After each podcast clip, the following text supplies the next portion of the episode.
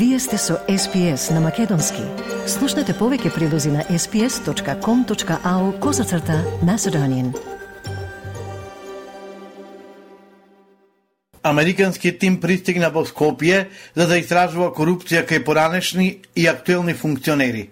Сад поагресивно ќе се бори против корупцијата во Македонија. На правосудниот сектор во Македонија му требаат повеќе истраги и гонење, за да се покаже дека никој не е над законот, објави на социјалните мрежи амбасадорката на САД Анджела Агелер. Таа и во најновото интервју за Сител изјави дека корупцијата е најголем предизвик со кој се соочува Македонија. Агилер е разочарана што по бројните инвестиции во судството нема никакви видливи резултати. We are talking about decades of investment. We are talking about millions and millions of dollars paid for by the U.S. taxpayers to invest in this country's judiciary. At this point, it's fair to say that we have trained in one form or another well over a majority of those within the judicial system in this country. And, um, and so I believe that as a return on that investment, that we, but more importantly, the people of this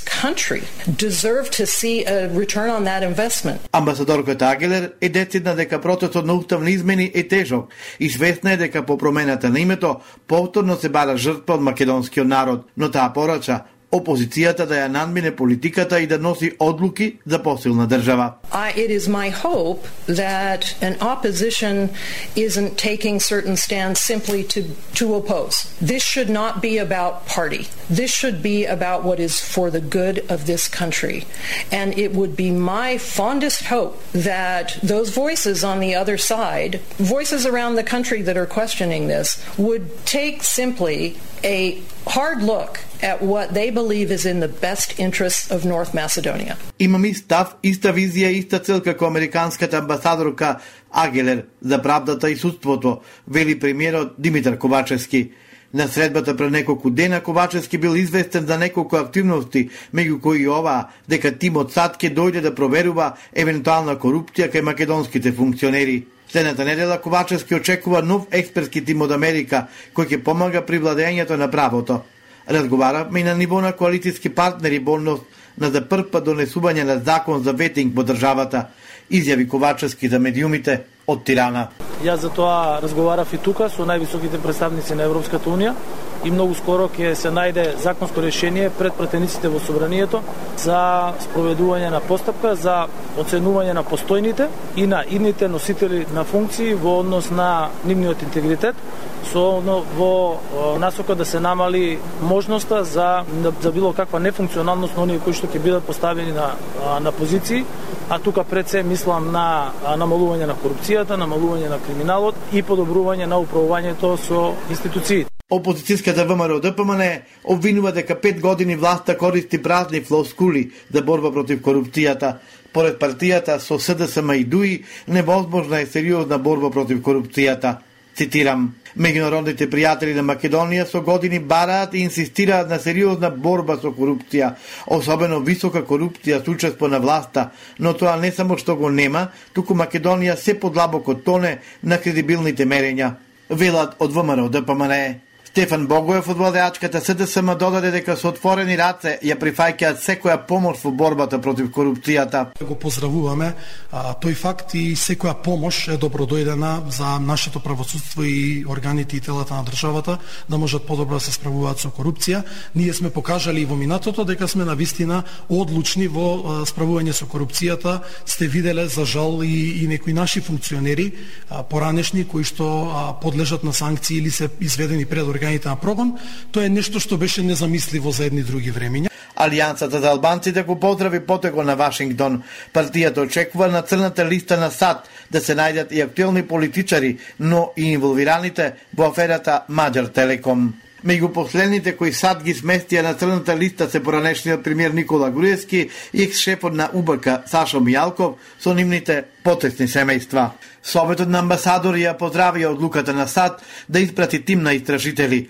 Советот на амбасадори тврсто ги поддржува констатациите на амбасадорот на САД Агелер, на амбасадорот на ЕУ Девид Гир и на амбасадорите на некои земји членки на Унијата, дека на правосудниот сектор во Македонија му требаат повеќе истраги, гонење, за да се покаже дека никој не е над законот. Советот на амбасадори ја повикува владата, раководителите на органите на владата, државните институции, како и лидерите и членството на сите политички партии од власта и опозицијата да се борат против минатата и сегашната корупција во нивните редови, за конечно државата доди кон вистински, економски, социјален, финансиски, културен и секако прогрес од сега до иднината, велат од Советот на амбасадори.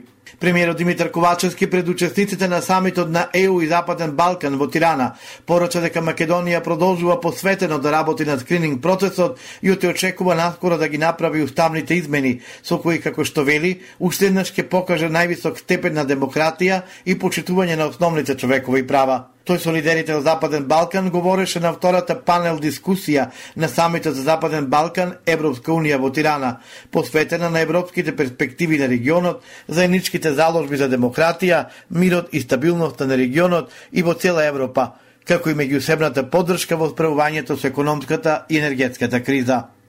Премиерот Ковачевски на маргините на самитот ЕУ Западен Балкан имал куса средба со францускиот председател Емануел Макрон и со германскиот канцелар Олаф Шолц со председател на Франција Емануел Макрон и канцеларот на Германија Олаф Шолц, кои се наши големи поддржувачи, секогаш имаме конструктивни разговори за европската имнина на Македонија, објави на својата официјална страница премиерот Димитар Ковачевски. На самитот во Тирана, македонскиот тим добил поддршка од земите членки на Унијата за уставните измени, кои според Ковачевски водат кон забрзана наша интеграција. Владата одлуча се поништи одлуката за прием на Олександр Онишченко во државјанство на Македонија. Владата ја донесе одлуката откако го разгледа известувањето од Министерството за внатрешни работи во кое што се информира за можноста за одземање на веќе дадено државјанство, што беше побарано од страна на владата на предходна владина седница. Одлуката на владата е базирана врз законот за државјанство. Владата го задолжи МВР да постапи веднаш по донесената одлука за поништување на одлуката за прием на Лишченко по македонско државјанство. Силни критики за избора на новата председателка на судскиот совет Весна Дамева од правосудската фела. Не стимнуваа ни партиските реакции. Опозицијата вели дека Дамева е партиски избор на власта. Пратеничката Ели Панова во парламентот рече Срамно и девастирачки се продолжува со партизација на судско-обвинителскиот систем, а имаат и причина за тоа. СДС која е заглавено во криминал и корупција, кое што секојдневно ја тресат коруптивни скандали, тешки милиони евра, сега мислат дека тоа е единственото кој што ги спаси, ќе ги спаси. Стефан Богоев од СДСМ негира дека Дамева е нивен играч во судството посочената не е член на Социјалдемократскиот сојуз и не фигурира во базата на членови на Социјалдемократскиот сојуз на Македонија. За битни законски решенија и битни реформски пакети на закони, особено во правосудството, често пати сме консултирале експерти од фелата. Предпоставувам дека и таа слика и таа ситуација од една таква средба и од еден таков настан Дамева завчера беше избрана за председател на судскиот совет, откако нејзината предходничка Црвенковска си даде оставка, како што соопшти поради притисоци од судско бизнис елита.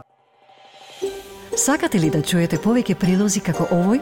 Слушате подкаст преку Apple Podcasts, Google Podcasts, Spotify или од каде и да ги добивате вашите подкасти.